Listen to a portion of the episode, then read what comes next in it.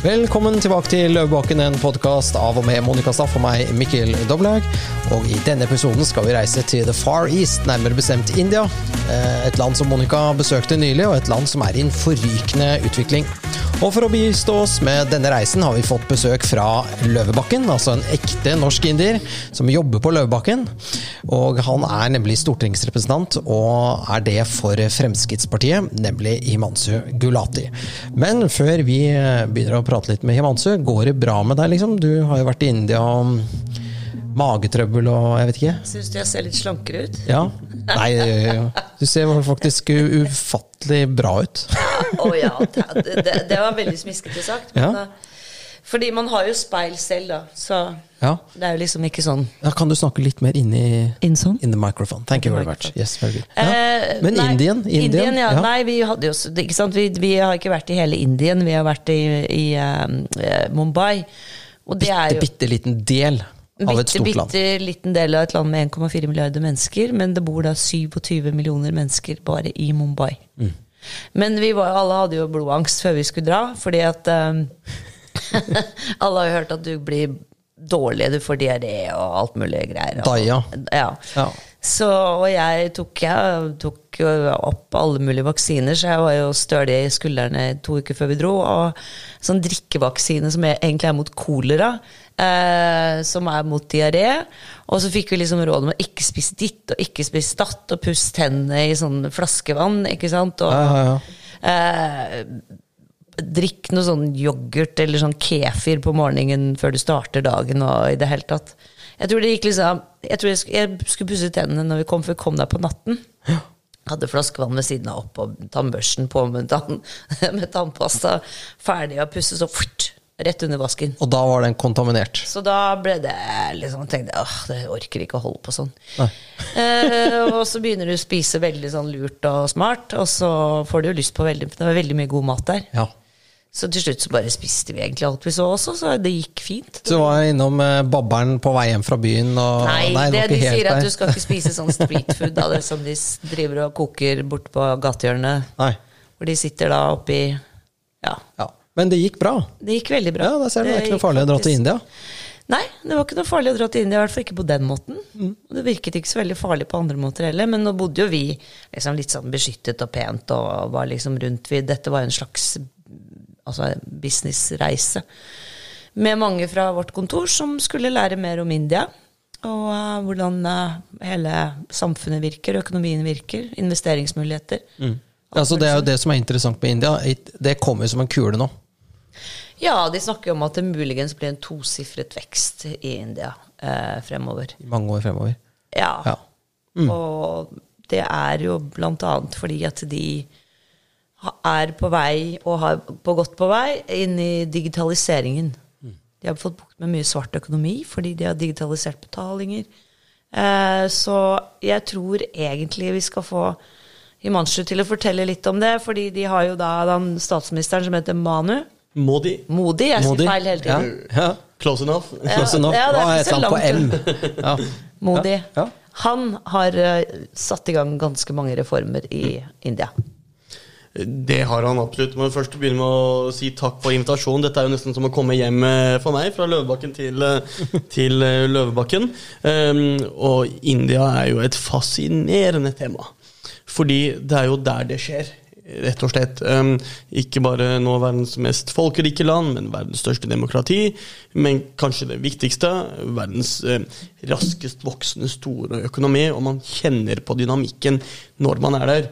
Som du nevnte, Mumbai er jo en by med over 25 millioner mennesker, så en bydel i Mumbai er på en måte hele, hele eh, Norge. Og, og, så er det jo en grunn for den store veksten vi ser det, i økonomien, og det er jo fordi vi har en sinnssyk folkemengde, flere hundre millioner hvert år, som beveger seg fra fattigdom til lav middelklasse, lav middelklasse til bedre middelklasse, og så høyere middelklasse og rikere. Og, og alle de folkene skal jo i løpet av noen, noen få tiår få mm, de samme tingene vi tar for gitt i dag. Enten det er en bil, en smarttelefon, eh, eh, de skal komme seg fra A til B. Jeg, jeg tror det bygges 100 flyplasser as we speak i, India akkurat nå. Jeg lurer på om veksten i luftfart var på 20 Jeg håper ikke jeg bommer på det tallet, men det var noe helt ville tall. Og, og, så er det samme innenfor hurtigtog. Innenfor eh, veldig mange sektorer, energi ikke minst. Og når man skal få en så folkemengde til å vokse, over, og det tar jo sin tid, så er det jo klart at det blir en stor vekst, nesten uavhengig av hva annet som skjer i verden. Selvfølgelig er det ikke hyggelig når det er eh, krig i Ukraina, man har andre konflikter, litt sånne ting som kommer disruptive inn og forstyrrer vår økonomi mye. Men i India har de tingene mindre å si, fordi den underliggende kraften er så stor, og, og, og, og den reisen fra fattigdom lenger opp eh, til middelklasse og rikdom må gå uansett, uavhengig av hva som skjer andre steder i verden. Ja, og det, hva, hva er liksom grunnen til at de har klart å få i gang den motoren og få så mange ut av fattigdom? Mm. Og, Det er jo eh, flere grunner, men eh, liberaliseringen av økonomien, eh, kapitalismen, digitalisering, som du nevner, og veldig mange smarte hoder. Man utdanner folk til ingeniører og alt annet som, som, både India og verden trenger. og, og, og indere er jo og Det er mye smarte folk i India, og så taler de engelsk. Det er kanskje en av de store forskjellene fra Kina, hvor engelsk er eh, holdt på å si, gresk for dem. Så er jo engelsk eh, førstespråket for de fleste ja, ja, i India. Så det er jo en del faktorer som eh, er, gir dem fortrinn. Men med 1,4 milliarder mennesker så klarer du å finne mange smartinger også.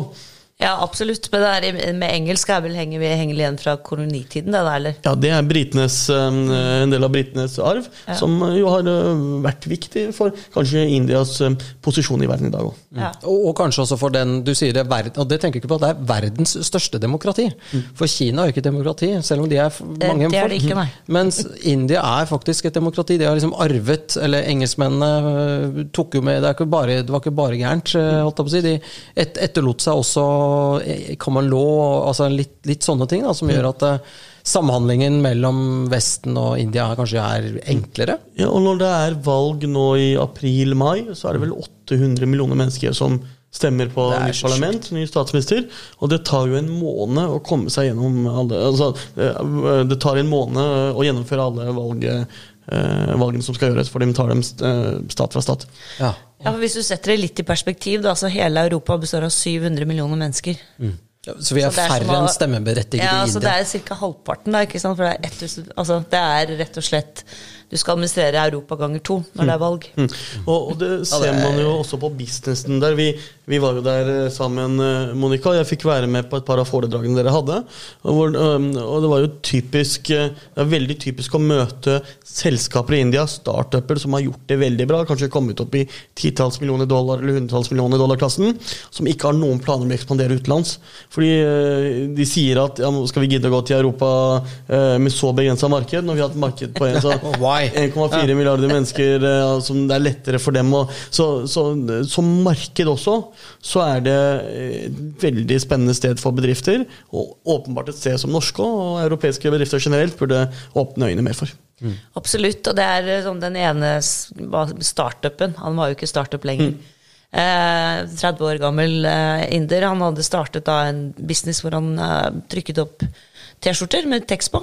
Det var det, liksom? Ja, han begynte å selge det online. For da, og da dette med at de begynte med online, ikke sant, at du kan selge på nettet, det har jo tatt helt av der borte. fordi at folk som da bor For det bor veldig mange altså i rurale strøk, altså på landet mm. i India, som nå kunne få tilgang til sant, varer de ellers ikke måtte inn til byen for å kjøpe. Han hadde jo et kult konsept. Han hadde jo rettighetene til Big Bang Theory og mange ja. uh, sånne um, serier. Så de mm. sitatene og bildene var på det fra de merkevarene. Mm.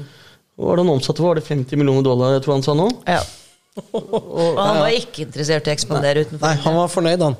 Ja, ja. Men det er jo liksom the big number game, da. Altså, eh, jeg bare tenker på å, skal man ikke få sånn ja, Hvis man kan selge én tannpirker til hver indier, så blir man milliardær. Vi er ikke der. Men uansett hva altså, Det er et land som Det er mye asfalt som skal legges. Det er mye betong som skal blandes. Det er mye stål som skal uh, strekkes. Det er mye T-skjorter som skal selges. Altså kjøkkenutstyr. altså Det er jo helt vilt. Og det spennende er at ja. de første to-tre tingene du nevnte, ja. er jo Norge ekspert på. Uh, og det merker jo jeg som den eneste indiskættede stortingsrepresentanten i Norge, så tror jo veldig mange at de kan ringe meg uh, hvis det er noe de lurer på med forhold til India. Og det er alt fra turister fra India som kommer til Norge og lurer på hvor de skal bo på hotell, til norske selskaper som vil dit, eller indiske selskaper som kommer hit. Og det jeg merker, er jo masse forespørsler på veibygging, tunnel, energi, hydrogen. Um, um, uh, og derfor tror jeg at dette samarbeidet mellom Norge og India um, har ekstremt stort potensial. Fordi vi har mye av den kjernekompetansen som et land i vekst trenger for energi og grunnleggende infrastruktur. Og, og utdannet, som du sa, Monica, den ut, altså utdannet befolkning. Ja, og så har du har det Himanchu sa om, om altså infrastruktur. For det så vi jo veldig mye av der nede også i Mumbai, fordi Mumbai skal snakke om utdannelse etterpå. Ja. Eh, fordi at de byen er jo ikke konstruert for så mange mennesker, og den trafikken der var jo helt insane. Var det tett? Tett. Det var ikke E18, liksom? Det var verre? Jeg tror liksom ikke altså der, Det var sånne bitte små taxier som kjørte rundt overalt, og det er ingen som parkerte. Det var ikke noe elbilkø der, for å si det sånn? Nei, nei, nei det var ganske dårlig luft der òg, for å si det sånn. Men de, det var jo ingen som parkerte. Alle biler var in motion hele tiden, og sånne små scootere, og det var helt ville tilstander. Eh, og det gikk veldig sakte, selvfølgelig, fra A til B. Eh, men de bygget av masse sånne som du ser i, i USA. Det er sånne svære motorveisystemer som ja, Sånne broer og Ja. ja. Og de holdt på å lage Flyovers, kaller det flyovers, ja. Men det jeg la merke til nå, var at nå var det jo flere etasjer med sånne flyovers. Så men, Herregud. Ja, og de, det er det indiske stat som skal finansiere alle disse veiene og infrastrukturen. Altså tog, de holdt på med det undergrunnen og. Ja, det, det, er jo uh, mye av byen og kommunene, og så bidrar staten mye uh, også. Så det er nok litt kombinasjon av, av ting. Mm. Ja, for det var jo noen som nevnte at staten ikke var liksom helt på ballen Eller de lot liksom private aktører komme, de, komme, inn, og så kom de ikke inn med de pengene de hadde lovet selv, og så gikk disse private aktørene konkurs, og så eh, tok altså en bevisst strategi, da. Ikke sant? Fordi at når du konker én gang, så blir det jo billigere neste gang. Du tar over det som allerede er gjort. Ja. Mm. Så man skal, man skal, vite hva man gjør når man investerer i India. Det er ikke bare å ta med snippeesken og så reise dit og være lur. Nei, nei. det tror jeg ikke. Nei, nei. Men, eh, og det er jo en annen kultur, selvfølgelig. Det er jo en annen forretningskultur. Det sier seg jo selv. Det er lett å brenne seg på fingrene, og hvis noen er i tvil om det, så tror jeg bare det er å ta en prat med Telenor-sjefen. Stemmer, jeg hadde helt glemt at det gikk jo ikke så bra, Indiasatsingen. Men, ja. men, men, og det er jo litt den erfaringen eh, mange selskaper hadde, som gikk tidlig inn på 2000-tallet. Selskaper som over hele verden klarte å tjene penger, slik som Telenor eller eh, Walmart og andre store konsern. I India så dreide det seg ut første gang. Og trakk seg kanskje også ut. Men nå uh, så er nesten alle på veien tilbake. Uh, fordi Kina har uh, ikke den samme åpenheten eller oppgangen de hadde før, og, og, og veksten i India er for hard å, å, unngå. Men nå har de lært av måte, mange har lært av de feilene tidligere, bl.a. lokal kjennskap, det å ha en god partner. så det er veldig lett å, å, bomme også, fordi det er en veldig annerledes kultur enn her, selv om det er et åpent kapitalistisk markedssystem. Ja, og det er sikkert stor forskjell på, på hvordan man eh, opererer business-wise i, i år 2000 og nå 23 år etterpå pga. den digitaliseringen. Det gjør det helt sikkert mye enklere. Ja, ja. Eh, og World Trade Center, det er jo noe man eh, da forbinder med eh, World Trade Center i New York. USA, ja. Men det er jo faktisk en organisasjon da, som også er til stede i, eh, i India, som kan hjelpe utenlandske investorer. Mm. Norske investorer som vil inn i India på forskjellige måter. Kult. Men ja, fortell litt om denne bedrifts... Altså Nå er jo India så eh, holdt jeg på å si, var, jeg det studerte de, de, hva for noe, eh, diplomati og strategi, så var det vel en som sa at Indias store problem er også å være India. Altså India er, ikke, India er et stort Det er mange provinser, det er mange altså, Det er også liksom en sammensetning av flere land, eller jeg vet ikke, det, kan du si det? Eller regioner? Det, det er et uh, komplisert sted, og, ja. og, det handler jo om at det er ekstremt stort. Jeg pleier å si at India er ikke et land, det er et kontinent. Ja. Uh, um, fordi man har eh, altså, Geografien er jo eh, eh, veldig stor, og så er det en stor sammensetning av ulike religioner. eh, folk fra sør i India som eh, eh, eh, er veldig mørke i huden, mens hvis du går i nord eller nordøst, så ser folk mer ut som om de er fra Thailand eller Myanmar. Og så kan man Kashmir, så kan det være lysere i huden enn eh, man er i, i Europa og Norge. Så det, det er sammensetning eh, av både folkeslag, av religioner, av språk. Det er vel over 22 offisielle språk. Så, så det er et veldig stort land. Eh, som henger sammen på en eller annen sammen, merkelig, ja, ja. merkelig måte. Ja, så de, de, engelsk er liksom Det snakker alle, og så har de 22 andre språk. Ja, og det er 22 offisielle språk. Offisielle også, Eh, Oi. hvis man begynner å telle ja, uoffisielle språk og dialekter, så er man nok oppe i flere hundre, minst. Men det er ikke sånn at, det, altså. at når du begynner på skolen, da, sånn som i Norge, hvor vi må lære både bokmål og nynorsk skrive, sånn. Ja, er Du må ikke lære 22 språk. Nei, det må du heldigvis ikke. Men eh, alle lærer jo det språket lokalt. For eksempel I Sør-India er det mange som lærer tamilsk, eksempel. Men så lærer de også engelsk, og, og veldig mange lærer i tillegg hindi, som er litt det bindende indiske ja. språket. Ja, for tamilene er jo egentlig indre, ikke sant? Ja, ta, ta, tamilerne er, altså, I India er det en delstat som heter Tamil Nadu, Ja. men så er det også mange tamiler eh, på Sri Lanka. Ja, og de er jo der fordi at de ble tatt dit av engelskmennene for å jobbe på teplantasjene oppe i nord. Ja, også, det, det er jo veldig kort distanse fra India til Sri Lanka, så, eh, så det er jo veldig lik kultur eh, i Sør-India og på deler av Sri Lanka. sånn sett. ja. Men det har jo da blitt en krig der mellom shingaleserne og tamilene. Ja, det, det, det var jo en eh, konflikt, brutal konflikt over lang tid, som heldigvis nå har lagt seg eh, veldig. Så, men eh, men, eh, eh, men indere er jo altså, Det er jo et godt eksempel med Sri Lanka, tamil på Sri Lanka. Men britene tok jo indere med seg overalt i imperiet. Som jo også er grunnen for at det er veldig mange med indisk bakgrunn rundt omkring i andre land. Sør-Afrika. Gandhi bodde jo eh, mesteparten av livet, om ikke mesteparten, men stor del av livet sitt i, i Sør-Afrika. Hvis man drar til Fiji, så er vel nå presidenten av indisk bakgrunn, fordi indere ble tatt med der, om ikke som slaver, så i hvert fall arbeidskraft. Samme i Karibien eh, og eh, nord i Sør-Amerika. Det er vel Presidenten i Suriname er vel også av indisk bakgrunn, fordi eh, britene tok folk fra ulike steder på, i sitt imperie og tok dem med rundt. og å ta den britiske statsministeren som et eksempel. Ja, ha- Far, ja. ja, faren hans er vel født i Tanzania og moren i Kenya, hvis jeg ikke tar feil. Fordi eh, britene veldig mange, eller, veldig mange dro fra et sted i imperiet til andre steder. i imperiet. Og han er av eh, indisk herkomst. Han er av indisk herkomst, Ja. mens begge foreldrene hans er jo da født i Øst-Afrika. Ja, Det er fascinerende. The British Empire. Ja, og det er jo veldig, veldig mange Kjempegøy. indere i eh, Storbritannia også. ja. Ja, og engelskmennene elsker jo eh, indisk mat. De er jo liksom Ja, det, det skjønner jeg, da, for at det er ganske kjedelig mye britisk mat. Så det, det ble litt mer Ja, spennende med det, er indiske. sånn, eh, ja. Ikke stekt bacon og sånn. Ja. men, men få høre. eh, Du, du, dere var i Mumbai. Ja, Kun 27 millioner mennesker. Ja. Men det er jo flere. Det er jo Delhi, det er jo, altså, det er jo masse store byer i, i India. Ja, vi hadde jo Samir eh, fra Helios Kapital. Han bodde i Singapore, men han var fra Delhi. Fra Delhi. ja.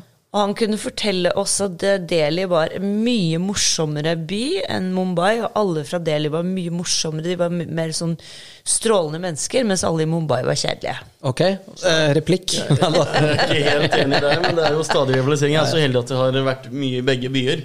Og Bo Mumbai er jo Bollywoodets hjem. Det er filmindustrien. Litt sånn LA, Hollywood, Beverly Hills-stemning. Mens Delhi er maktens sentrum. i okay. Så det er veldig ulike byer. Jeg har jo bodd selv i Mumbai i fem måneder. Det var 18 år, for jeg gikk på filmskole.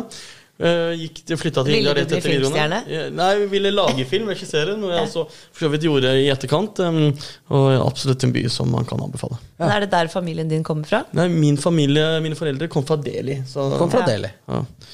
Og, og Og, er, hvorfor reiste de til Norge? Eh, Pappa er lege, og mamma er fysioterapeut. Så de eh, fikk rett og slett jobbtilbud her i 1979-1980.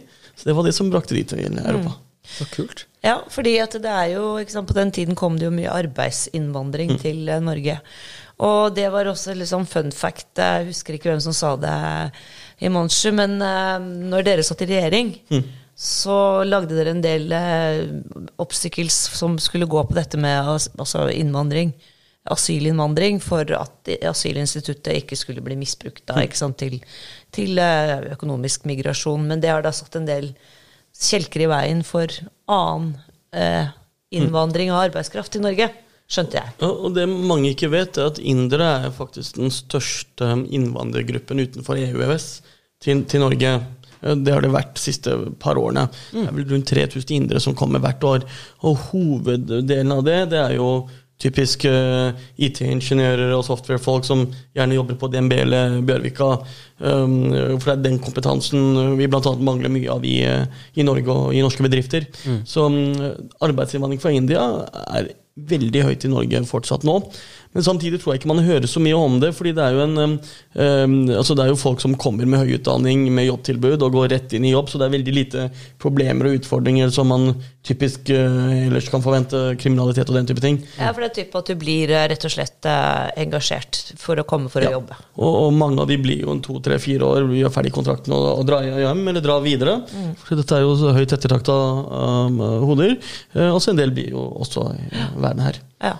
Var, var, det ikke et eller annet med at, eh, at skatte, skatteetaten sånn, skulle gjøre alt i India? Sånn, for det var, eh, jo, for det var så var, var, det ikke et eller annet noe med det? Ja, men Vi har ikke fått med det. Men eh, det, men det ble stoppet. Det, de hadde ikke vært det eneste i så fall. Nei, for det, fordi på, nettopp pga. IT-kompetansen er høy der. Mm. Eh, og så er det jo da selvfølgelig billig. Så det var snakk om å liksom, outsource det. Men jeg, tro, jeg, tror det ble stoppet for at det var litt ubehagelig. Jeg vet ikke. Ja. Det har vært helse, ja. Helsemyndighetene hadde litt dårlige erfaringer med server i uh, Øst-Europa og sånn, så jeg ja. tror enkelte uh, ting av kritisk infrastruktur må vi nok sørge for at vi har uh, hjemme. At vi har mer kontroll på, ja. ja. Men uh, nei, og det er jo enkelte også skjønte jeg bedrifter som jobber med å hente forskjellige typer kompetanse fra India til Norge, hvor vi mangler kompetansen mm. i Norge, eller mangler arbeidskraften. Mm.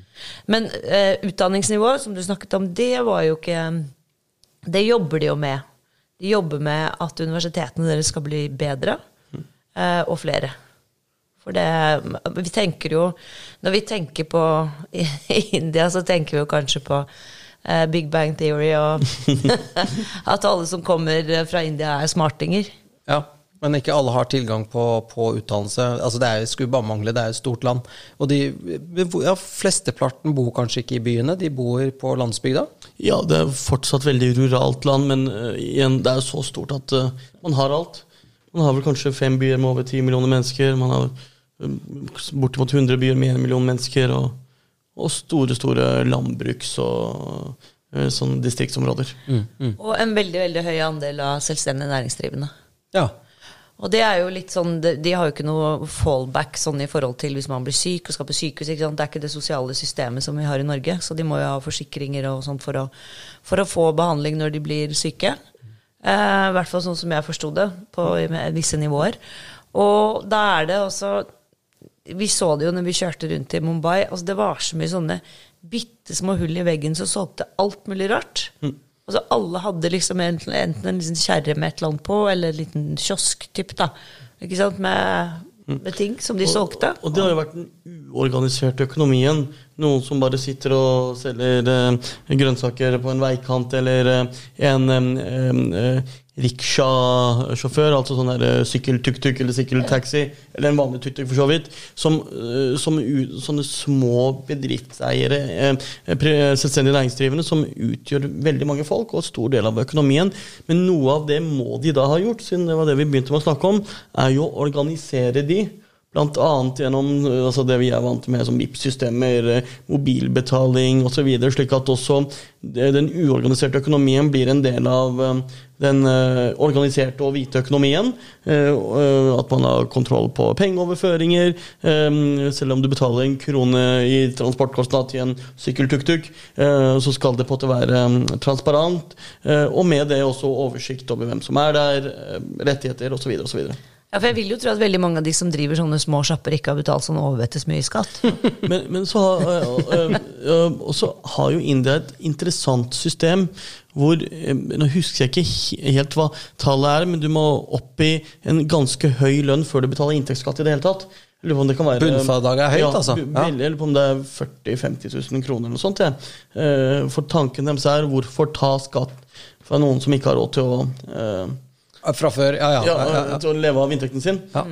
Så du må liksom på en måte komme så høyt opp at du lever av den inntekten du har, og den overskytende, den kan du betale skatt av. Ja, Så hvorfor begynne å ta skatt fra en som sitter på veikanten og driver en liten butikk? Når, Det er jo, det er jo egentlig en- det, det, Da slipper du ganske mye administrasjon òg, da. Men var det ikke et eller annet også med at, eh, at India også har klart å innføre sånn fødsels- og personnummer på veldig mye innbyggere nå, så at man kan bygge disse systemene med, med bankkontoer og VIPS og, og sånne ting. Og Det har jo blitt en eksportvare fordi man har noe som heter Adhar-kort, som er et slags nasjonalt ID-kort, um, eh, som faktisk Norad eh, eh, bruker mye penger på å få implementere i andre land i verden.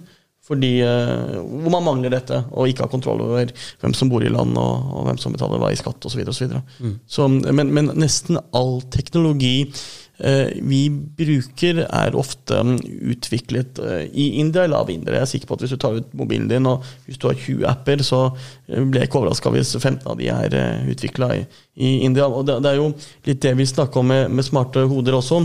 At eh, selv om ikke eh, Skatteetaten trolig kan eller bør etter min mening plassere eh, deler av sin virksomhet i eh, eh, India eller et, et annet land i Norge, så vil man jo finne at veldig mange av de som jobber eh, i norske software-selskaper, i banker, så går man til DNB eller VIP, så er det jo stort sett bare indere, indiske, eller veldig stor andre indiske ingeniører. NASA lurer på om det er 35 som er indere. Wow. Eh, Google, Microsoft, eh, to selskaper som tilfeldigvis også er indiske CEO-er nå, så er vel en veldig stor eh, del av arbeidsstokken indiske ingeniører. Så det er, det er jo verdens supply-fabrikk på mange måter når det gjelder smarte hoder innenfor software og ingeniørkunnskap. Og hvorfor er det sånn, tror du? Eh, ene tingen er numbers game. Ja.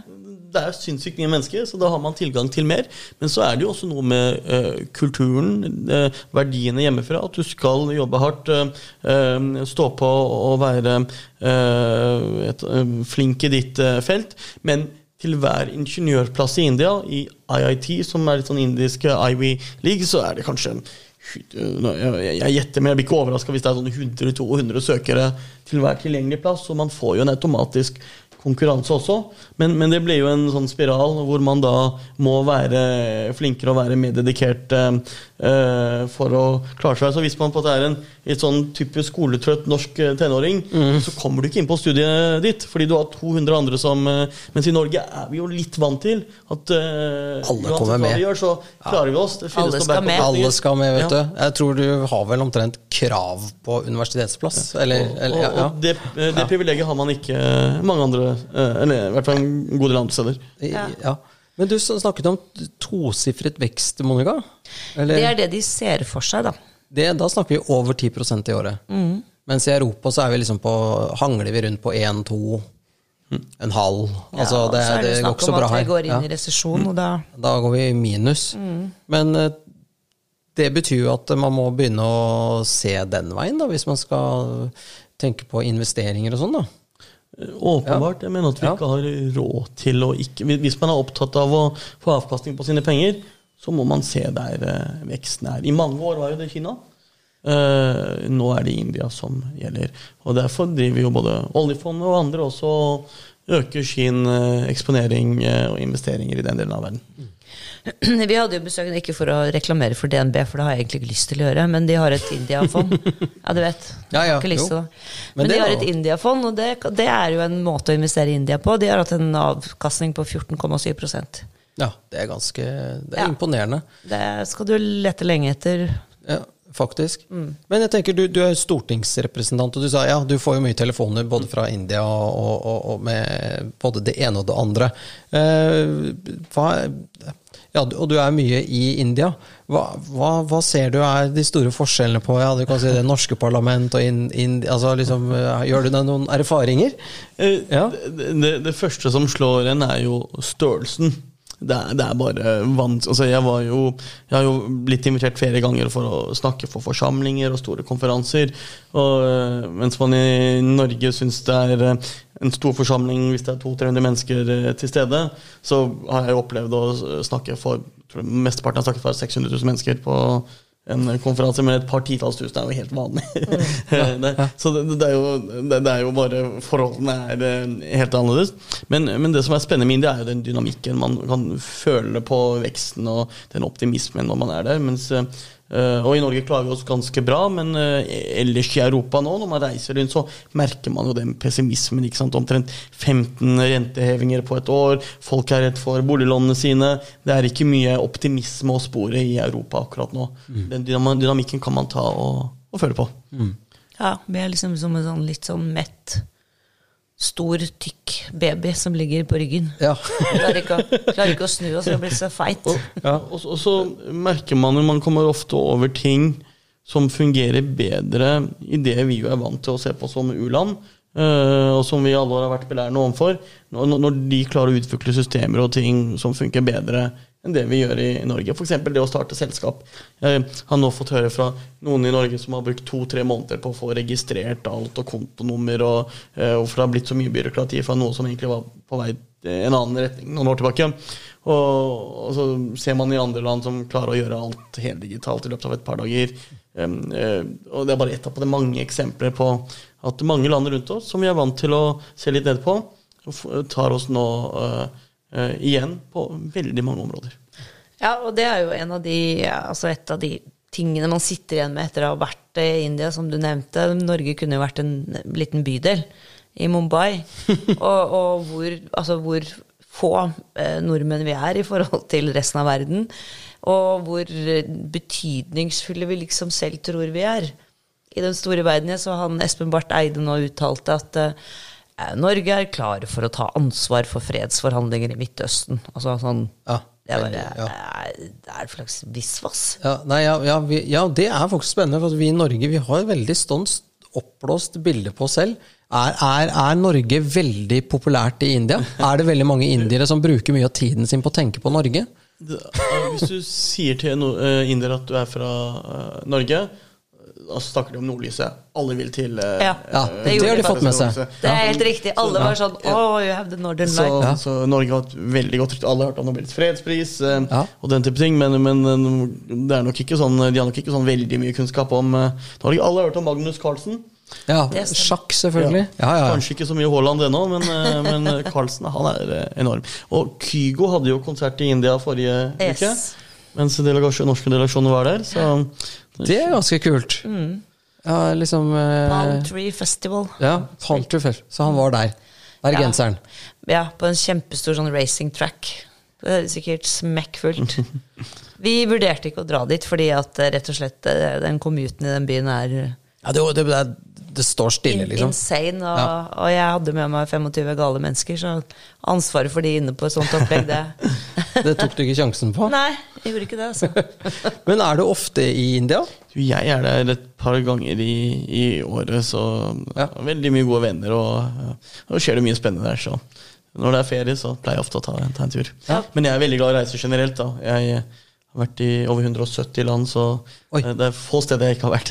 Er det i embets medfør, eller er det Det er galskap, rett og slett. Ja. Det er, uh, Det er bare i- fordi du er medfødt uh, galskap. ja. Ja, du vil reise? Altså det er, dette er en sånn plan du har, å besøke alle land? Jeg elsker jo, jeg, jeg håper jo å besøke alle land på et eller annet tidspunkt, men men det er um, em, det, Jeg føler hele verden er mitt eh, hjem, og så er det veldig spennende å møte folk og, og ikke minst se og forstå hva som skjer der uh, ute. Og ikke stole på alt Ja, det- avisene skriver. For du er jo Frp. Hvordan i all verden kan du være glad i å reise rundt til andre? Du skal jo sitte her og spise fenalår og poteter. Og, og nisselue.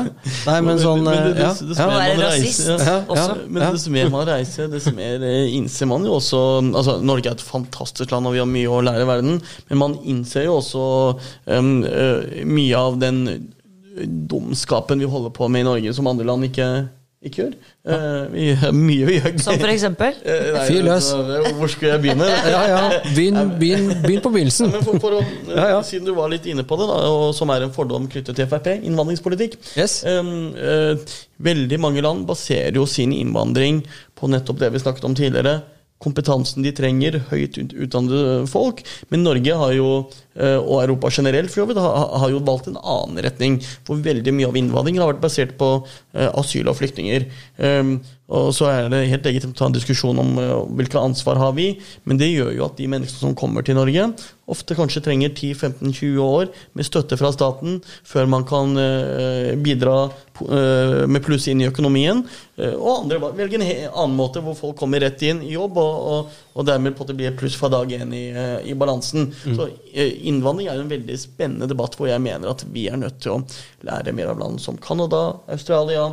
Uh, men også Midtøsten. Eh, vi liker å snakke eh, mye stygt om landene i Gulfen, og det er veldig mye å kritisere de for. Men, eh, men, de åpner jo ikke sine porter på samme måte som Europa gjør hver gang det er krise et sted i verden. Også når det er krise i deres egen, egen region. Da velger de å, og fortsette den arbeidsinnvandringen som de har valgt isteden. Så det er, det er ikke og Skattesystemet er et annet ting. Um, og, og infrastrukturbygging. Altså det, det, er veldig mange områder hvor andre land gjør ting bedre enn det vi som verdens rikeste land, og med kun en befolkning på 5,5 millioner, ikke klarer å gjøre. Mm. Mm. Ja da, og du, vi bygger jo infrastruktur veldig veldig dyrt i forhold til f.eks. For Finland og Sverige og mm. så våre nære naboland.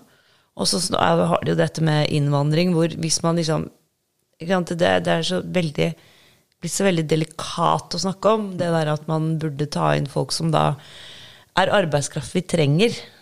Ikke sant? Og ikke, ikke, dette humanitære på at det er folk som det er synd på, som vi skal passe på og ta oss av. Så det er liksom den Det å si at nei, vi burde dreie mer fra det og over til arbeidsinnvandring, det, jeg tror ikke det er så veldig mange som tør å si det. Nei, men den, den, debatten vil tvinge seg frem. Mm. Det vi holder på med i Europa, er jo ikke bærekraftig over, over tid. Nei, og det, det, er det veldig mange som har sett veldig lenge. Men har, politisk har det jo bare vært skilapper. Og Det er jo interessant det du sa om at du følte deg ganske trygt i Mumbai. Mm. Um, det, det, vil nok si at sjansen for å bli ranet uh, er nok større i Paris i disse dager enn det er i en by som uh, Mumbai, fordi Europa har uh, Eh, altså Man har sett for, uh, trender som ikke er bra, men fortsatt med de istedenfor å, å, å ta tak i problemet før det har fått vokse for, for stort. Mm. Mm. Men hvorfor ble det Frp da på deg, ikke Høyre eller Arbeiderpartiet eller Venstre eller KrF eller SV eller Ja, men altså det er liksom Hvorfor Frp? For meg var det stilen til Carl I. Hagen. Okay, ja. Det var tenåring. Og det var den å snakke rett fra levra, ikke pakke ting inn i en politisk korrekt uh, innpakning som var viktig. Og så er jo ideologi veldig viktig for meg. Eh, Frp og Ungdomspartiet spesielt har jo basis i liberalismen. Frihet, mindre stat, mindre reguleringer. Det, det, var også viktig for meg, men det var nok den, uh, den uh, Jeg er ikke så glad i politisk korrekthet og, og like nok, likte FrPs litt rebelske måte å være på som sådan. Mm. er du litt rebell selv? Altså, jeg liker i hvert fall å gå motstrøms. Det, ok, det er bra. ja, og, og, jeg er jo enig med deg at eh, Frp har jo på en måte vært en sånn frisk pust i forhold til mange av de andre etablerte partiene som er veldig opptatt av å være politisk korrekte og snakke et, ofte snakker et språk som er vanskelig tilgjengelig for folk flest. De sitter bare sånn mm, Skjønner ikke helt hva de snakker om. Og da kan vi ta Jonas Gahr Støre som et særeksempel. Ja, men han kommer alltid draende med beina etter han. Eh, han er always behind the curve. For jeg, så føler jeg at Frp på veldig mange måter har vært very ahead of the curve. da. Altså, sånn, Karl Jagen Hagen snakket på 80-tallet om at fremmedarbeidere må jo lære språk i de landet de skal bo i. Mm. Rasist! Altså, da var jo, jo, Og nå sier jo SV det samme. Det, og om noen år så sier kanskje til og med svenskene det. Men, vi får vente ja, vi får, ja. men hvordan er det å være på Stortinget nå? Nå er dere ikke posisjon lenger, og nå er det opposisjonspolitikere. og Ingen svarte regjeringsbiler lenger. Og det er litt trist. det, det, det, er jo selvsagt mye gøyere å ha en uh, hånd med på, på rattet. Men uh, jeg tror nok uh, Det er ikke bare vi i opposisjonen som på en måte savner makta. Det virker som at innbyggerne og befolkningen der ute også savner opposisjonen i makta, hvis man ser på Støres popularitet og, og målingene. Så, ja, ikke ja. minst kommunevalget. Ikke minst. Ja. Så har jo politikken den siste uka handlet om helt andre ting enn uh, politikk, selvsagt, med habilitetshøringer og det ene og det andre på Stortinget. Men uh, det er ikke noe tvil om at uh, den retningen som landet har gått i de siste to årene, nok ikke, har nok ikke vært den mest vellykka for uh, verken næringsliv eller eh, folks oppfatning av trygghet og tjenester der ute. Nei, og det blir jo skyldt veldig mye på, på liksom de, hva skal jeg si, de makroøkonomiske omstendighetene. da, Med, eh, med inflasjon og, og, disse krigene som altså nå i Ukraina, og nå sist den der konflikten nede på, på Gaza. Levanten. I Levanten, ja. uh, men det er, altså det, er, det er, så utrolig mye sånn bortforklaringer. Det er ingen som liksom tar på seg og sier at ja, det var kanskje en litt dum beslutning det med det der formuesskatten og utbytteskatten, og når du ser liksom at folk flytter i hopetall ned til Sveits og så skal du liksom stå og ønske de god tur og ryk og reis og bare sånn gi de fingeren i det du drar. Du er så rik at du ikke kan bo i Norge. Ja, men det er, det er en fryktelig uklok uh, Hva skal jeg si det, det, er vel, det, er vel, tre land alle rikingene flykter fra for øyeblikket. Det er vel alle russerne som drar til Dubai, alle kinesiske rikinger som drar uh, der de får eh, visum, og alle norske milliardærer som flytter til Sveits. Så det må jo være noe myndighetene gjør i disse landene som uh, ikke folk er helt fornøyd med også. Ja, Og krona får jo juling nå. Og det er jo litt, det er liksom litt morsomt, de, de, tre landene du nevner. Det er liksom Russland, Kina og Norge. Det er de tre siste kommuniststatene, altså. Ja, ja. Så når man snakker med eh, folk som, ja. som eh, Og det har jo blitt veldig mange nordmenn som har flytta til Sveits i det, det, siste. Mange profilerte navn også.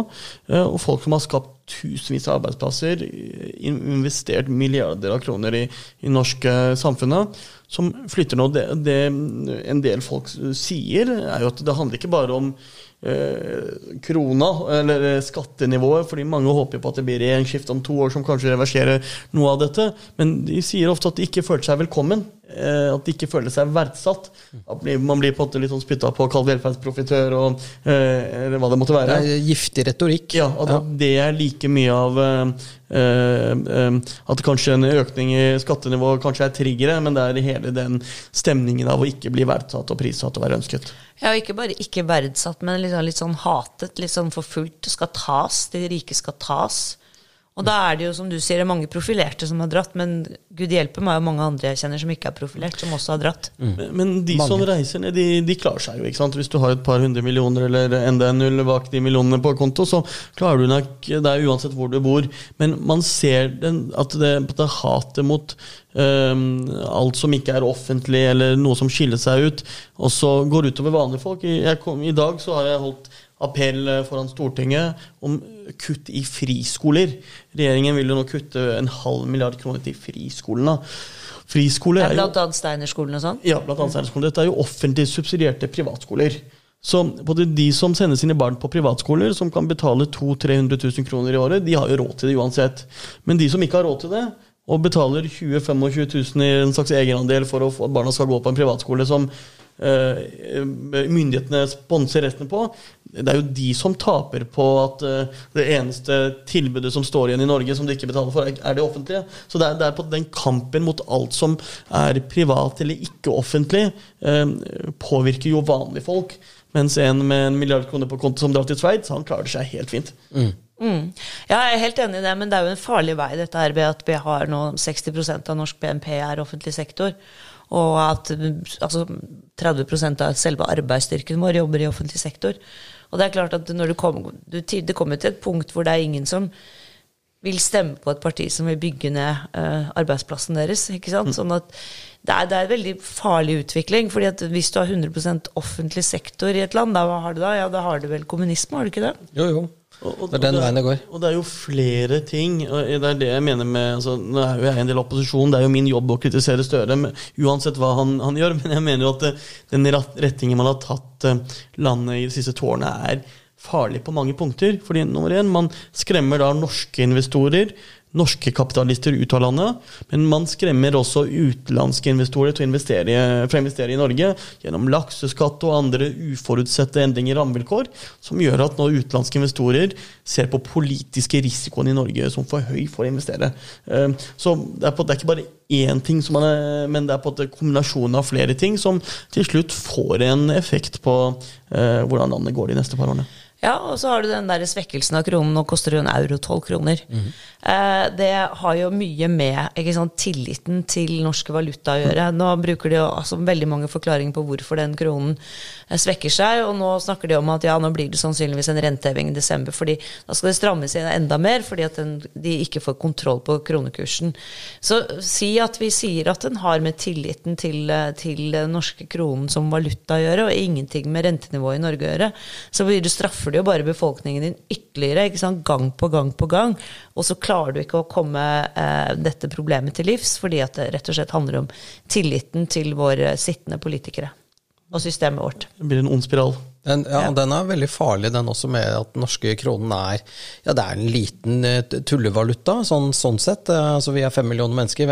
Det er ingen som skal bruke kroner til noe som helst. Så på det internasjonale markedet så er liksom, norske kronen er helt uinteressant. Eh, Og det ser man jo med at, eh, at kronen svekker seg mot andre valutaer. Da. Dette er jo bare sånn, sånn markedet er. Og så tenker jeg at da med, med svekket kronekurs så får du enda høyere inflasjon, så må du ha enda høyere rente, og så bare får du eh, Hvis ikke de får kontroll på inflasjonstoget, da, så begynner det å, å ligne bli ganske stygt. Og en annen ting er jo det at når du setter opp renten altså Nor Norges Bank trekker inn Jeg lurer på om det var rundt 600 milliarder kroner. Det er det de trekker inn. Altså Ola Kari Nordmann eh, må betale høyere renter, og det utgjør omtrent 600 milliarder sånn i økte rentekostnader.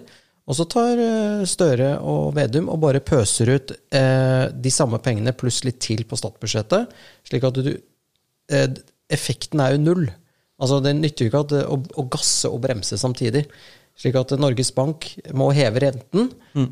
og så får du en stat som bruker mer penger, og da går jo bare inflasjonen videre. Altså Vi må jo stramme inn statlig forbruk. Ja, særlig når statlig, altså statlig forbruk er 60% av BNP. Ja, ja. Og så skal du da sitte og, og heve renten for å få bukt med inflasjonen. Og så skal det er kun privat sektor som skal eh, stå for innstrammingen. så- Og innbyggerne. Ja, ja, og Ja. Det, det er dette som er jævlig skummelt. altså. At eh, staten er ikke med på jeg ikke si- De er så glad i å bruke ordet dugnad. Staten er ikke med på dugnaden da, om å Mm. få ned inf inflasjonen. Så ja, du er jo ja, du får ikke gjort noe med det. Du er nissen på lasset. Du sitter på Stortinget og Men, eh, Og- og- og skriker, men det og hjelper Og så eh, eh, Og det er jo litt den pessimismen vi, vi snakket om. Mm. Det, det, ting kan fort bli mye verre før de blir bedre. Fordi den onde spiralen som vi her snakker om, kan og vil nok dessverre bety at flere og flere ikke klarer å betjene sine huslån, at um, banken eh, tvangsselger, um, og alt det i en situasjon hvor vi opplever at staten, norske stat, blir rikere og rikere fordi olje- og gassalg går så det fyker. eh, Når strømprisene går opp, så går skatteinntektene inn. slik at den norske staten er rikere enn noen gang, mens vanlige folk der ute føler på en trangere økonomi enn de har gjort eh, på noe tidspunkt i sine liv hittil. Statseide DNB tjener Mm. penger som gress. Er det formuesskatt i India? Du, det, det vet jeg ikke, men det er, det er vel ikke mange land som har et så eh, idiotisk system som formuesskatt. altså, hvis du selger alt du har i Norge, og så flytter du til India, eh, der det er lav eh, der det, ikke sant? Og, så, og så blir du med på liksom 15-20 eh, avkastning i året. Det, det hadde jo vært litt hyggelig, det. Ja, jeg tror det er faktisk litt smartere enn å flytte til Sveits, for det er veldig dyrt i Sveits. Lønnsnivået i Sveits Jeg tror en lærer i Sveits tjener sånn 1,2-1,3 millioner kroner. Mm. Det vil si, da har du liksom et nivå ikke sant, som gjør at at det, det å skaffe seg bolig i Sveits altså Hvis du kommer dit med 100 millioner i baklomma, så er det bare en fattiglapp. Ja, Da får du bare liksom to, to rom og kjøkken. Mens i India så tror jeg liksom det hadde, hadde svingt litt vi mer. ser norske milliardærer og Next door Taj Mahal. Jo, men du, dette her er jo dette er egentlig veldig strålende. Ja, ok, øh, Hvis man vil flytte til India som investor, da, nå tar vi det med en gang, vi har et kvarter igjen her. Eh, Du er lei av Norge, det er kaldt, det er kjedelig mat osv. Du vil til det landet i verden som har liksom den største, ja, verdens største demokrati og den største veksten. Hva, hvordan, hvor skal man bosette seg? Du kan jo hjelpe norske milliardærer med å reise til India. Jeg tror mange vil bli skuffa. Jeg tror eiendomsprisen i indiske byer overgår det meste her i, Det gjør det. i, i Norge også. Ja, hvis du skal bo i Mumbai, ja, men hvis du bor i Pune da, eller Ja. Det er um, altså eh, Veldig mange har nok tenkt de tankene før, før okay. dere, men, men det er eh, spennende og veldig mange såkalte expats, um, europeere og andre fra USA, som flytter til India eh, nå for å, å, jobbe og være en del av den veksthistorien. Mm. Så eh, vi kommer nok til å se flere nordmenn etter hvert også. Men, men, er, men, ok, som eiendomsprisene i India de begynner å bli ganske stramme? Ja, men, men lønningene der i store selskaper er jo mm, på nivå med, om ikke høyere enn i, norske, enn i Norge. Mm. Uh, så det er masse muligheter. det er masse muligheter der. Ja. Vi driter så... i Sveits, Monica. Ja, vi flytter til India. Du blir India. Eier folk sine egne boliger stort sett, eller er det I, um, I, byene så er det nok veldig mye leie også, litt som i, i, Norge. Fordi det blir for dyrt for folk å eie. Ja. Mm. Uh, altså, men generelt så prøver jo folk å kjøpe egen eiendom. Um, og det er jo mye, akkurat, egentlig veldig likt Norge på den måten. Mange arver. Eh, og så De fleste i byene har jo kommet fra bygda. Og mange har kanskje familieeiendom i bygda, men har da flyttet, altså som er av mindre verdi, selvsagt. Og så mm. flytter de til byene for å prøve å skape eh, en egen fremtid, i hvert fall i nye generasjonen. Mm. Ja, og vi så jo det var jo veldig mange altså, Det var ikke veldig mange som bodde veldig flott i Mumbai, i hvert fall ikke det jeg så av byen. Det er sikkert noen områder der også, hvor det er litt fjongere enn andre. Jo, vi kjørte forresten forbi huset når vi kjørte til flyplassen til han ja, eh, Ambani. Ja. Han tilla verdens dyreste hus, var det vel? Ja. kosta vel en milliard dollar å bygge og til der. Hæ? Ja, Det lå rett ved, rett ved, motorveien ut til flyplassen. Da er det en kar som har bare tatt helt av, liksom. Han er, han er, vel Asias rikeste mann. Han eier ja. jo blant annet Rex i, i Norge. Ja. ja. Han, jeg tror han var Asias rikeste mann, ja. Så er han nummer fire på Forbes' liste over de rikeste i verden. Ja, han har flyttet til India. Han er inder, han er India, altså. Det er kanskje ikke okay, så rart at han bor der. Han har i hvert fall ikke flyttet til Sveits. Men han, han, har sikkert et chalé der. Han var født i 1957. Ja. Oi, så, han, ja. Mm. så han er eh, verdens dyreste Ja, jeg tror det er verdens dyreste hus som han har bygget. ja.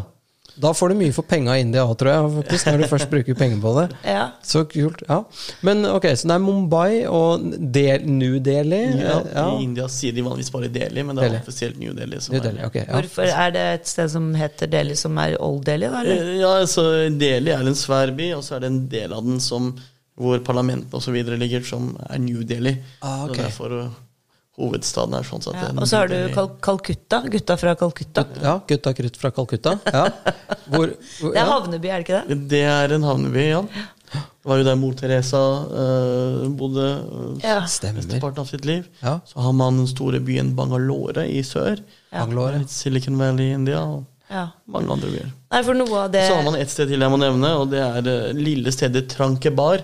Trankebar, ja. som jo var en dansk-norsk koloni. Stemmer det. Og Den gang var jo Norge en del av uh, det danske styret, ja. så det var jo veldig mange nordmenn uh, der. I Trankebar. I Trankebar. Hvor ligger den i Det er langt sør i India. Langt sør i India. Vi er ganske nærme, nærme Sri Lanka, faktisk. Ja, nettopp. Nei, men det, det som også var et, en problemstilling, skjønte jeg på de dagene vi var der og fikk på det, vi var i en bank og litt forskjellig, at dere har ikke så veldig gode havner for utskiping av eh, eventuelt det dere produserer, selv om det er mest interessant med hjemmemarkedet.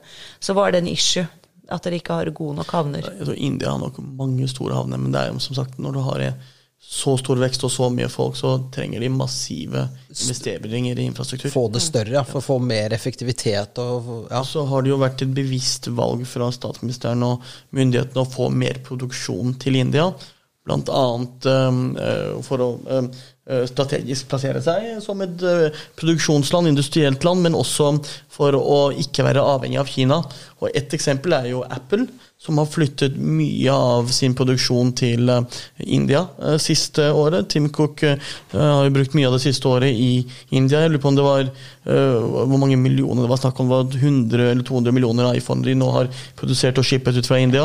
Ja, hvor mye av denne iPhone er indisk produsert? Det husker jeg ikke. Men... De, de, fleste iPhone er jo produsert i Kina hittil av Foxconn. Mm. Men Foxconn har nå flyttet mye av sin produksjon, eller økt mye av sin produksjon i India. og nå produserer India mye solcellepaneler, og, og andre, 40% av verdens vaksiner produseres i India. Jeg er sikker på at begge dere har vaksiner eh, fra India. Ja, så når jeg dro til India, så fikk jeg vaksiner som er laget i India, så det er litt, det er litt fun fact.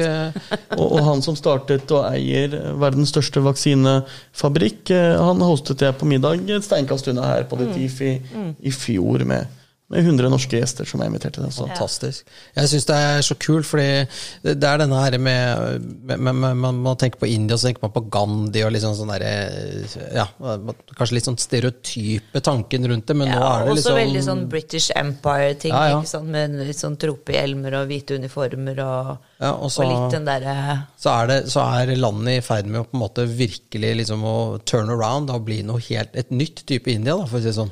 Det er ganske fascinerende.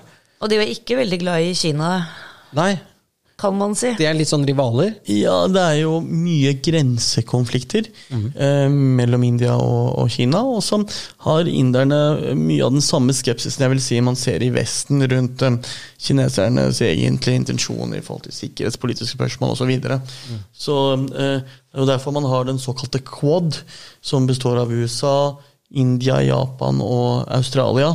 Som en slags geopolitisk eh, sammenslutning som skal eh, kontre litt eh, Balansere ja, balansere litt. Ja. Fordi det er en Og det tror jeg også man, man ser litt med indiske forretningsmenn. Det kommer jo veldig mange indiske selskaper, ikke minst i Norge i disse dager, for å um, enten kjøpe opp selskaper eller, uh, eller uh, inngå partnerskap. Eh, eh, jeg nevnte at Rexholder er kjøpt opp av Ambani, og så eh, vet jeg det har vært norske, indiske selskaper nylig som prøver å kjøpe opp eh, um, det der gjenvinningsanlegget på Klemetsrud og andre ting. så det, man, man ser stadig sånne eksempler, men jeg føler ikke at det er den samme skepsisen til intensjonene. At det blir mest sett på som business, mens fra en del andre land så er man jo litt skeptisk. At det er det myndigheter som står bak, og eh, hva skjer hvis eh, andre sitter og har eierskap i, eh, i viktige norske selskaper. Ja, og der har du jo den avhengigheten man har laget seg av Kina i forhold til produksjon av alle mulige slags varer. Som vi sitter og importerer. så må vi huske på at vi er, et, vi er kanskje det landet i verden som har nytt best av det frie markedet og kapitalismen. Norge eier det nå nesten 2 av alle aksjer i hele verden. Er Hele oljefondet vårt eier jo 10 000 er vel over 10 000 selskaper. Sånn sett så Eh, kan vi jo være litt viktige, Per. Så, vi kan jo det. så, så, så vi, men når folk kommer og skal eh, gjøre business i Norge, og vi er usikre på hvorfor de gjør business, da er det jo et sunt eh, instinkt eller sunn refleks som bør, eh. Men, men eh, eh, i og med at det er et demokrati, og man ikke har den type sikkerhetspolitiske mistanke som man har for en del andre land, så tror jeg nok det er lettere. Var vennligstilt overfor India, for å si det sånn. Ja da, og det er klart at ikke sant, både altså, eh, Russland er jo et diktatur eller et opplyst enevelde, alt etter hvor, jeg vet ikke Hvordan hva du ser det, skal kalle ja. det. Eh, og Kina er jo en kommuniststat, mens eh, Opplyst. India er jo et demokrati. Så det er klart det, er en helt annen tillit til et sånt system, eller folk som kommer fra et demokrati, enn kom, eller en kommuniststat som kommer og skal kjøpe opp Alt du har. Men, eh, gamle militærbaser. men det var én det, det, um, um, det var én ting som er det viktigste jeg lurte på. peke, Peke. Hva er greia med de kuene deres? Ja! Det må vi vite litt om Det må jeg vi vite før vi, før vi avslutter her. Ja, kuer er jo hellige i hinduismen. Yes, Hellige ku. Ja, og, og Jeg er jo ikke noen superekspert på det selv, men jeg tror filosofien var at mye av det de var avhengig av å leve for, for å overleve i gamle dager, kom fra kua. Ja, melk, det var melk, eh, og de brukte kua til å pløye jorden. Så øh, hvis du å si, spiste kua di, så hadde du verken melk eller eh, traktoren din eller noe som helst. Så det er nok en, en slags institusjonalisering av eh, kuas viktige rolle i gamle dager. Men er det riktig at alle kuer i India har en dame som passer på seg? Eh, Det er det nok eh, ikke, men kuene går jo fritt. Så Nå så man ikke så mye i Mumbai eh, da dere var der, men drar man til Delhi og andre steder, så vil man se at kuene går fritt rundt på gata.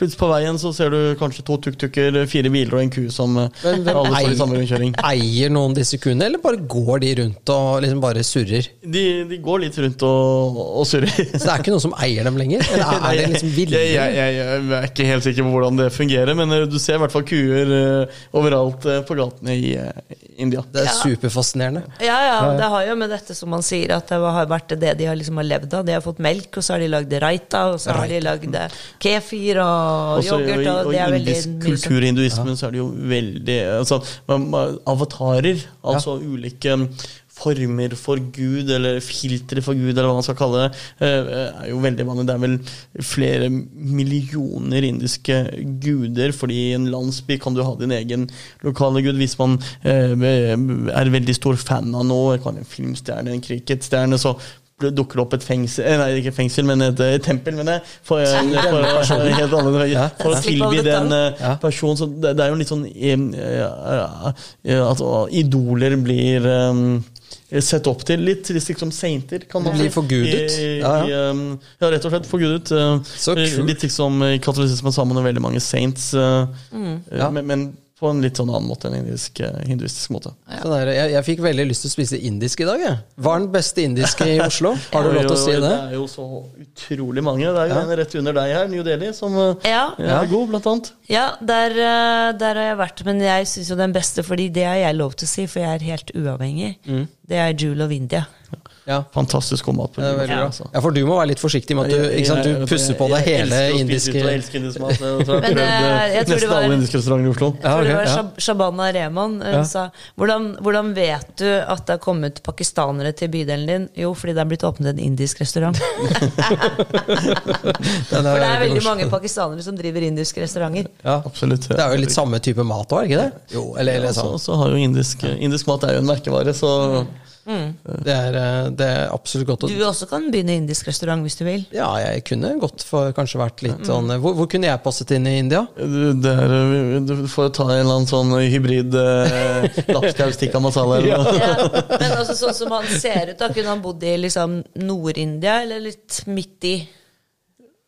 Mikkel er, han, Mikkel er jo Han kunne ha bodd i, i Nord-India. Vi har jo mye um, India har jo utrolig mye fjeller og, og, sånn, og der er folk enda lysere enn i Norge. Så mm. hadde glidd rett inn. Jeg glidd rett inn i fjellet. Men, men du, du, har vel røtter nesten fra Timbuktu? holdt jeg på å si, Jo, jo, det stemmer det. stemmer det. Ja, du har gjort research her. Det er veldig bra. Ja, ja. Han er kvart, kvart svart. Kvart, kvart, kvart, kvart uh, afrikansk. Ja, det er et av de få landene jeg ikke har vært i. Det er det, men i Mali, ja. Er det ikke veldig farlig der, da? Nå er det farlig, men uh, kanskje vi skulle reist dit sammen? Absolutt. Bare uh, tatt på oss flak jackets og tatt en sånn French Moland-pakke.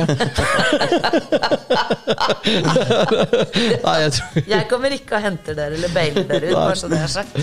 Å, kjære vene. Denne timen her gikk altfor fort, uh, Himalsu. Det var veldig koselig å ha deg på besøk. Tusen takk for at jeg fikk være med. Tusen takk for at du kom, og tusen takk for at du var med oss i India. Det var også veldig interessant. Jeg vil anbefale alle å eh, lese Shantaram og se TV-serien og lære mer om Mumbai, også en fantastisk by. Og se Big Bang Theory. Da vet man alt om Big Bang Theory.